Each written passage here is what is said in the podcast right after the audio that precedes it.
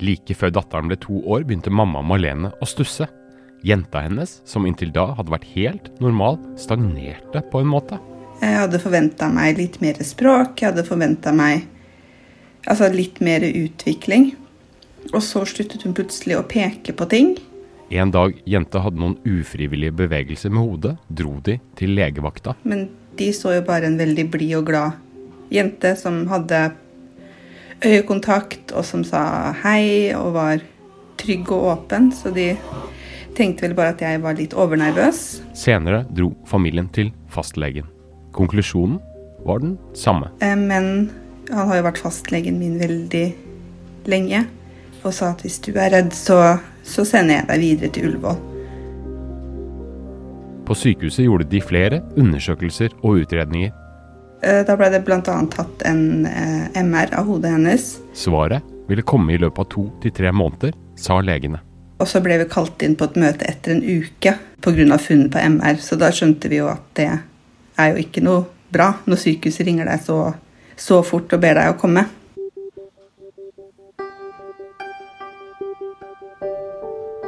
Og da fikk vi da beskjed om at de har funn på hjernen hennes som kan sammenlignes med de funnene de finner på demente, altså eldre pasienter med demens. Datteren hadde en uhelbredelig sykdom kalt INCL, som den eneste i Norge. Nei, altså, vi var jo i sjokk eh, og knust. Livet ble snudd opp ned. Marlene og samboer Henrik var plutselig foreldre til et alvorlig sykt barn. Og storebror var blitt pårørende til en søster han vet trolig ikke vil leve til hun blir voksen. Hva skjer med en familie da? Dette her er det som skjer. Vi kan ikke gjøre noe med akkurat sykdommen hennes. Det vi kan gjøre noe med, er hvordan vi velger å leve fram til vi ikke har henne lenger. Vi tar vare på alle dagene vi får.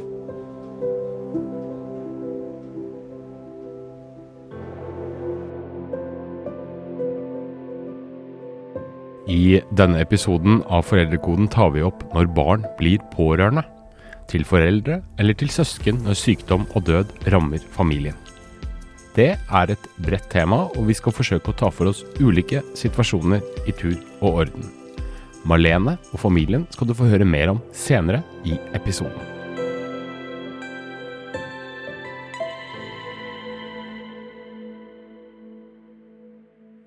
Hedvig Montgomery, vi skal starte med når psykiske vansker rammer familien. Og det er det mange som sliter med når mor eller far blir deprimerte, Hedvig. Hvilke utfordringer gir det for barna?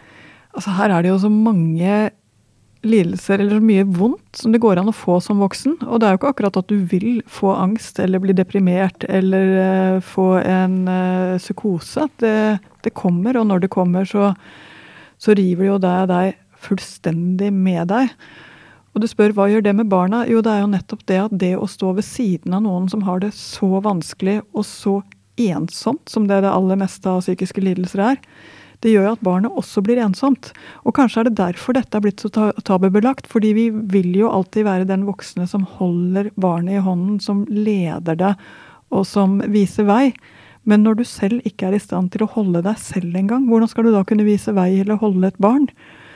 Eh, så det er ikke noe rart at det både blir vanskelig å snakke om, fordi det er så stikk i strid med den normen vi har om hva det er å være forelder. Men allikevel, mange foreldre hvert eneste år får det så vanskelig at det å være forelder kjennes ut som en byrde, ikke som en glede.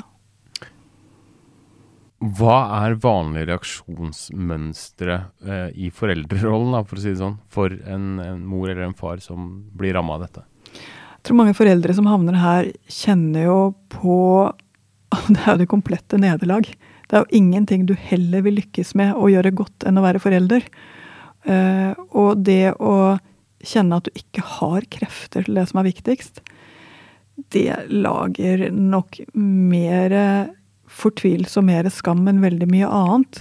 Samtidig så er det også sånn at som forelder, når du har det så vanskelig, så har du også en grunn til å virkelig gjøre alt du kan for å snu deg og bli bedre.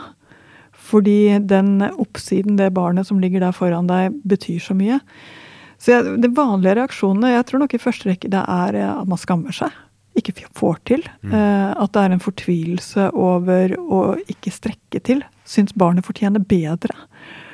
Og det er ofte sånn at når jeg begynner å snakke om barna med, med foreldre som sliter, så slår de virkelig blikket ned. Det er sånn at de, de skulle gjerne ha sluppet å snakke om det ofte. Eh, men så når de skjønner at det går helt fint an å snakke om dette, det, dette må vi snakke om, så lager jo det også eh, en eh, Ja, rett og slett det blir en helt annen type samtale enn det vi kanskje har ellers, som er veldig fint. Og hva er det du sier til dem da? I første rekke så sier jeg kanskje ikke så mye, for de aller fleste vet det aller meste. Og kanskje spesielt når man har gått og hatt det dårlig lenge. fordi det å bli det å bli ordentlig deprimert eller få skikkelig angst, eller for den delen eh, ha tilbakevendende alvorlige psykiske lidelser, det er noen ting som ikke kommer så plutselig. Stort sett så, altså, så har det ligget der og lurt, og man har kjent på at dette her går utover barna mine. Og da er det å få lov til å si noen ting om akkurat det, er mer noen ting jeg kan høre på og så kan jeg være mer til hjelp med å si ok, og hvordan skal vi håndtere dette frem til du blir bedre, som er det jeg er opptatt av. Mm. I hvilken grad er voksne som i større eller mindre grad er deprimerte, i stand til å ta vare på barna på en ordentlig måte? Ordet depresjon er jo egentlig et litt dumt ord, for at det høres ut som om du er trist, f.eks. Men mange som er deprimerte, har ikke egentlig trist som den store eh, følelsen. Det de første rekke er, er ikke orke. En slags handlingslammelse. Alt er tungt. Å gå i gang med noen ting, og stå opp spesielt. Altså alle de der dra-tingene koster mer enn det du føler at du har. Det er depresjonens forbannelse, eh, og på mange måter natur. Depresjon er nesten alltid verst om morgenen før dagen er kommet i gang. Og da kan jo alle som har barn, virkelig forestille seg hvor tungt dette er. For er det én periode på døgnet som er vanskelig selv uten at du er deprimert, og er det én periode som krever mye av deg forelder, som forelder, selv på en helt vanlig onsdag, så er det morgenen. Så det, det jeg merker at det er den der å ha de kreftene som skal til for å få dagen til å funke, til å gå opp, det er jo det første. Og det andre er å orke å ta inn over seg og høre på et barn, som egentlig koster en del, det også. Og der ser jeg ofte at jo eldre barna blir, jo mer krevende er det å, å orke. Høre, spørre, gå inn i. Og er du for sliten selv, har du for lite motor selv, så orker du ikke det som et barn trenger, nemlig at noen tar ansvar og ser det. Som er på mange måter de to eh, hovedoppgavene nummer én for foreldre. Men Betyr det at eh, en følge av det du sier der, at dagene rakner litt hvis barna ikke er i stand til å orge det sjøl, som de jo ofte ikke er da, av naturlige årsaker? Man kan vel i hvert fall si at dagene går på halv tolv, eh, og av det å få inn andre voksne er ganske viktig. Andre voksne som ser barnet, andre voksne som kan hjelpe til litt, dytte litt, sånn at dagene blir litt mer til å leve med for både store og små. Så veven rundt den lille familien blir mye viktigere når depresjonen har flyttet inn hos en av de voksne. Mm. Hvis jeg har forstått det riktig, så uh, kan deprimerte voksne gjerne veksle mellom å være si, fraværende og uh, overivrige, nærmest? Eller over, forsøk på å overkompensere, er det riktig, eller? Altså, jeg, tror, jeg tror bare jeg må si det så enkelt som at depresjon kommer i massevis av forskjellige forkledninger og former. Ja. Uh, og at hver eneste depresjon er litt sin egen historie. Jeg vet at Tolstoy sier at uh, de lykkelige familiene ligner på hverandre, og de ulykkelige ikke. Og på et eller annet nivå så er nok det riktig, fordi det er så veldig sterkt uh, inn i den historien du har, og, og, hvor det legger seg hos deg, det varierer ganske mye. Det jeg syns er til felles, er nettopp denne, dette med å få orken til å gå i gang, orken til å holde ut, orken til å gjøre. Så er det slik at depresjon og angst går hånd i hånd, og det er veldig ofte, nesten alltid, i hvert fall litt angst involvert i depresjon, og nesten alltid en del depresjon involvert i, i angst. Og der får du jo denne her nesten litt frenetiske 'nå skal alt gjøres riktig' når, når angstkloa tar deg. Som jo heller ikke blir noe spesielt elegant. Det blir litt eh, Det blir en feil dans, det også.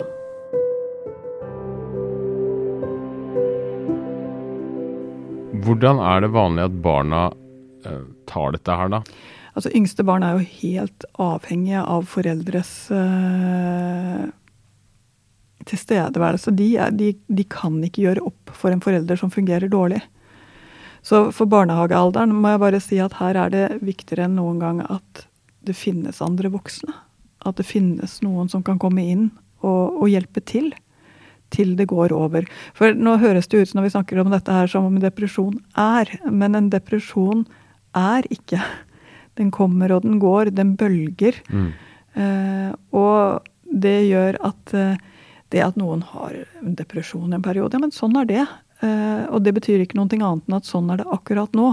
Og nettopp derfor så er det å lage rammer akkurat nå det vi ser etter hos de minste barna. Hos de lett, litt eldre barna så skjer det noe annet, nemlig at de kan gå inn og fylle inn hull med det mamma eller pappa ikke får til. Mm -hmm. eh, og de kan gå inn og ta ansvar for en forelder som de ofte synes litt synd på. Mm. Eh, og så har du de barna som rett og slett blir forbanna på foreldrene sine mm. for at de ikke får til. Så reaksjonsspennet er ganske stort. Altså fra å eh, gå inn og, og, prøve å gjøre opp for, kompensere, til å rett og slett ta avstand og søke bort, og ikke mm. orke å være hjemme. Eh, og den siste reaksjonen ser vi nok mer hos tenåringer enn hos eh, de som er i småskolealder. Men, men hvor er det bra eller dårlig, for å spørre litt banalt, om de når de går inn i en rolle som en sånn slags stedfortreder? Altså Hver gang noen gjør utover det som egentlig er mulig, så er det jo ikke noe bra. Uh, og en annen ting er at tiåringer kan virke ganske selvstendige. Kan virke som de kan få til ganske mye. De kan holde ansvar for mye, de kan handle. Men de er også veldig små og trenger å bli holdt og, og hjulpet. Uh, så når de blir små voksne hvor det ikke finnes noe sted å lade, så fungerer det dårlig for en, eh, en 10-11-åring, selv om de kan virke så fornuftige og virke som de tilsynelatende får det til å funke med yngre søsken og med skole som skal fikses. Tenåringsbarna, hva er det man typisk ser hos dem? Nei, altså Der har du jo igjen uh, mye tydeligere at du har alt fra den som tar avstand og sier at de ikke vil mer, søker seg bort, uh, kanskje bor mer hos den forelderen som fungerer bedre, hvis det er en tokjernefamilie. familie Uh, bryr seg mindre om den som ligger inne på soverommet, hvis uh, det er hjemme og de bor sammen. Så jeg ser at de ofte kan virke som om de ikke bryr seg fordi de er nødt til å ta vare på seg selv. Men jeg vet jo at de bryr seg masse. Og det er også noen som bryr seg så mye at de går inn og nesten prøver å være terapeut og husmorvikar hjemme for den som fungerer dårlig, og rett og slett sliter seg ganske ut på det. Så de kan være vanskelig å lese, nettopp fordi at de på en måte fungerer så ja, riktig. Eh, men på den annen side fungerer over det nivået hvor de egentlig skal ligge. Når er det barn tar skade av en sånn type tilstand i familien? Ja, Det er jo et veldig godt spørsmål, og det kommer selvfølgelig an på barna. Eh, fordi noen barn tåler mer, orker mer, holder ut mer, håper mer, mens andre barn detter fortere sammen. Så det ene er at det kommer litt an på barna. Men det andre er at det kommer an på hvor mye det veksler, hvor lenge det varer, hvilke andre voksne som finnes rundt barnet. Altså det, det, er så mye situasjonen som betyr noen ting. Så vi har ikke noe standardsvar på det, men vi vet at alle barn som vokser opp med en slik belastning, de har det med i sin livshistorie på et eller annet vis. Eh, og de forholder seg til det i voksen alder, snakker om det, og kanskje er det først da de også ser det problematiske i det. Det er ikke alltid barna ser det mens de står i det. Problematiske, hva mener du da? I det at de hadde trengt noe annet. Mm. Det er ikke alltid de ser det når de står midt oppi det. Du kan rett og slett se barn som når de kommer opp og blir eh, voksne selv, kanskje når de får barn selv, at de både skjønner hvor vanskelig det må ha vært for den forelderen, Og at de også ser at det de fikk var for lite i forhold til hva et barn trenger.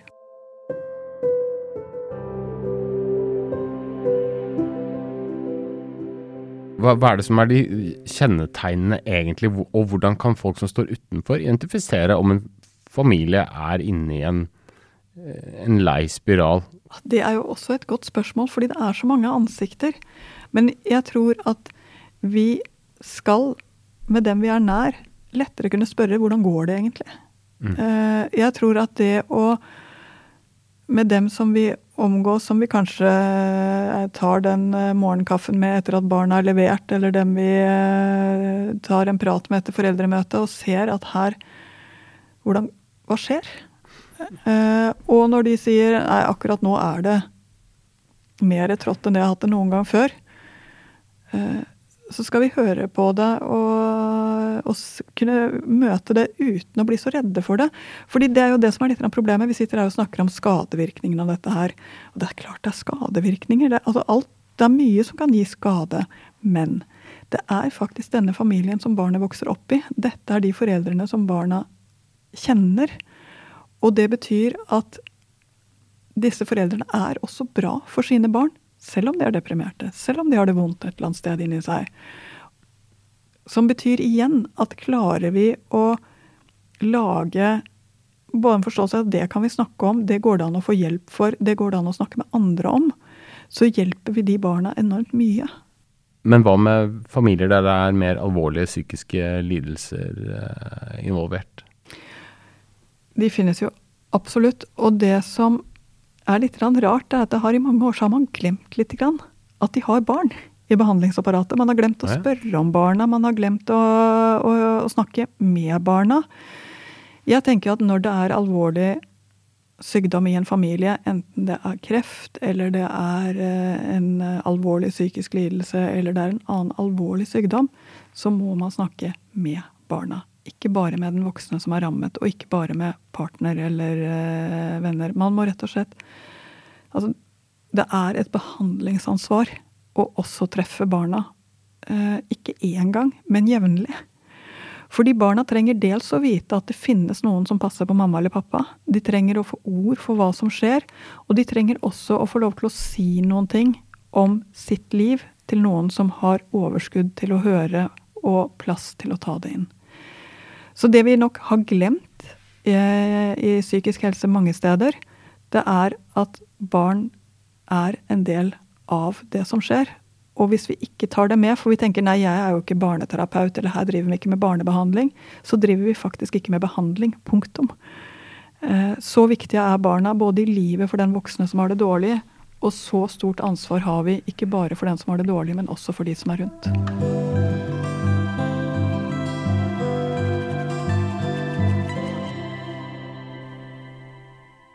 Vi snakker om barn som pårørende i dag, og hittil har vi snakket mest om psykiske vansker i en familie.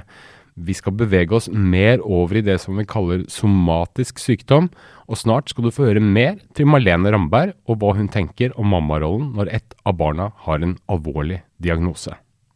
Men først, Hedvig, hvordan blir barn prega av alvorlig sykdom i en familie? Altså, vi er jo over på det samme, at i en familie så er det ikke sånn at én kan ha en sykdom uten at det påvirker de andre. Mm. Om det er et søsken eller om det er en forelder, så vil dette gjøre noe med hvordan vi har det, og hvordan vi er sammen. Og det betyr også at den der gode ideen om at jeg forteller ingenting til barna, så blir ikke de urolige. Mm. Eh, når jeg har vært hos legen og fått en beskjed som jeg gjerne skulle ha sluppet, så er det faktisk en dårlig idé. Fordi dette er en del av den fremtiden som kommer også for barna. Så de trenger å få lov til å vite hva som skjer. De trenger å få det der Ja, jeg var hos legen. Der viste det seg at det var noe galt som jeg trenger behandling for. Eh, og det kommer jeg til å få. Eh, så langt så ser det ut som det bare kommer til å ta litt mer tid, og at jeg kommer til å orke litt mindre en stund. Altså, de trenger rett og slett å få ord på det som skjer, som de kan skjønne. Sånn at de ikke blir overrasket over at det viser seg at mamma eller pappa eller bror har vært syk lenge uten at de har fått vite det. Eh, de trenger å få lov til å få lov til å forholde seg til dette her som det det er. Nemlig noen ting som eh, akkurat nå har flyttet inn hjemme hos oss. Og det tar ikke hele plassen. De trenger fortsatt å kiles, de trenger fortsatt å le, de trenger fortsatt å se film, de trenger fortsatt å lage middag sammen med deg. De trenger fortsatt en hverdag, men de trenger å skjønne hva det er for noe som har endret denne hverdagen akkurat nå.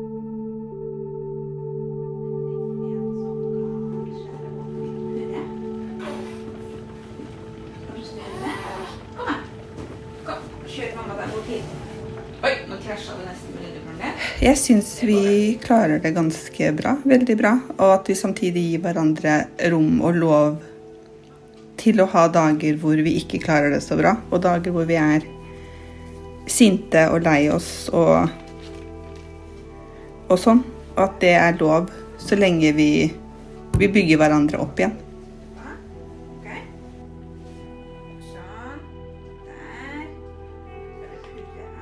Hei, jeg heter Marlene Ramberg, og vi har tre barn. Da har vi Nathaniel som snart er tolv, Novali som snart er fem, og Nilas som er fire uker. Eh, Novali på fem har en sykdom som heter INCL. Eh, hun er den eneste i Norge med denne sykdommen. Det er forventa livslengde mellom syv og elleve. Så skal vi gjøre det sammen. Ok? Vær forsiktig, da. Hun må ha hjelp til alle gjøremål. Eh, hun må ha hjelp til å spise, hun må ha hjelp til å bevege seg, hun må ha hjelp til å forflytte seg. Eh, hun har mista synet, eh, så vi prøver å synstolke alt vi ser og alt vi gjør og alt vi opplever. Ja, hun er rett og slett 100% pleietrengende på alle måter nå.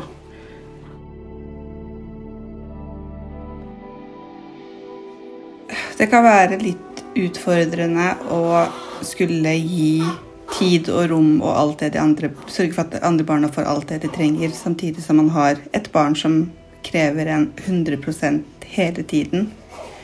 Eh, vi har først og fremst prøvd å dele oss så godt det går, og også være enige før vi deler oss om at nå har du det, og jeg har det.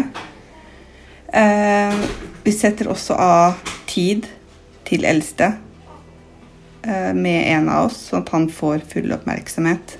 Vi har også vært veldig åpne med at alle følelser skal være lov, og alle reaksjoner skal være lov. Eh, samtidig som vi prøver å opprettholde liksom det gamle som var før hun ble syk. At det skal være de samme reglene og de samme forventningene, samtidig som vi skal gi rom for ja, for sorg og fortvilelse fra hans side også. Du kan gjøre det. Vi må kutte løk. Er du med på det? Ja. Ikke gren, da. Vi kan bruke den løkkutteren. Vi skal samle på honningøyeblikk, og vi skal ha alle disse honningøyeblikkene å se tilbake på. Eh, og vi skal se tilbake på latter og smil og gøye ting. Vi skal ikke se tilbake på disse årene med sorg og fortvilelse, og at vi har hatt det helt grusomt.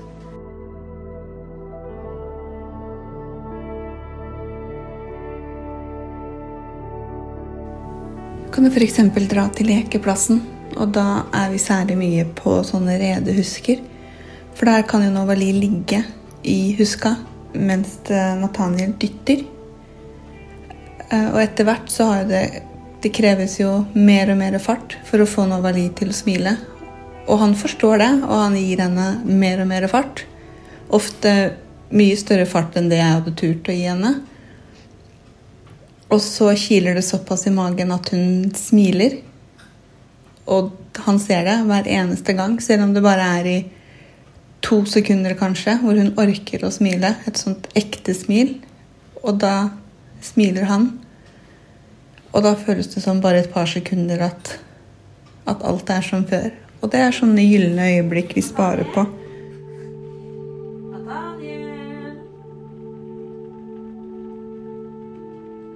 Jeg føler veldig lite på bitterhet og sinne.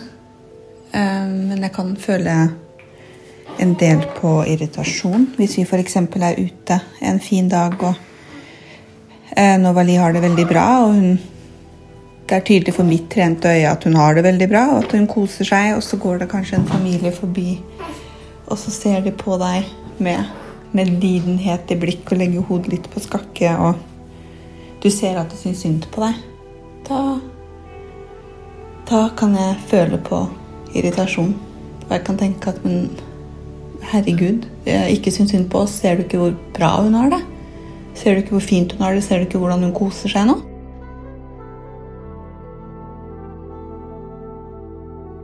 Novali er vel en veldig forsvenska versjon av Nova.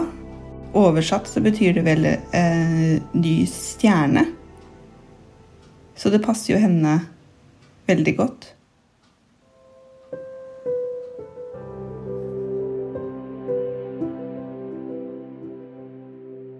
Jeg tror en av de mest grunnleggende tingene du må gjøre når du har et barn som du må bruke mye krefter på, for det kan det faktisk være at Altså det er ikke så mye å gjøre med det, det må du gjøre. Men det er å mobilisere andre voksne rundt. Fortelle til eh, bestevennens foreldre, fortelle til lærere, fortelle til barnehageansatte.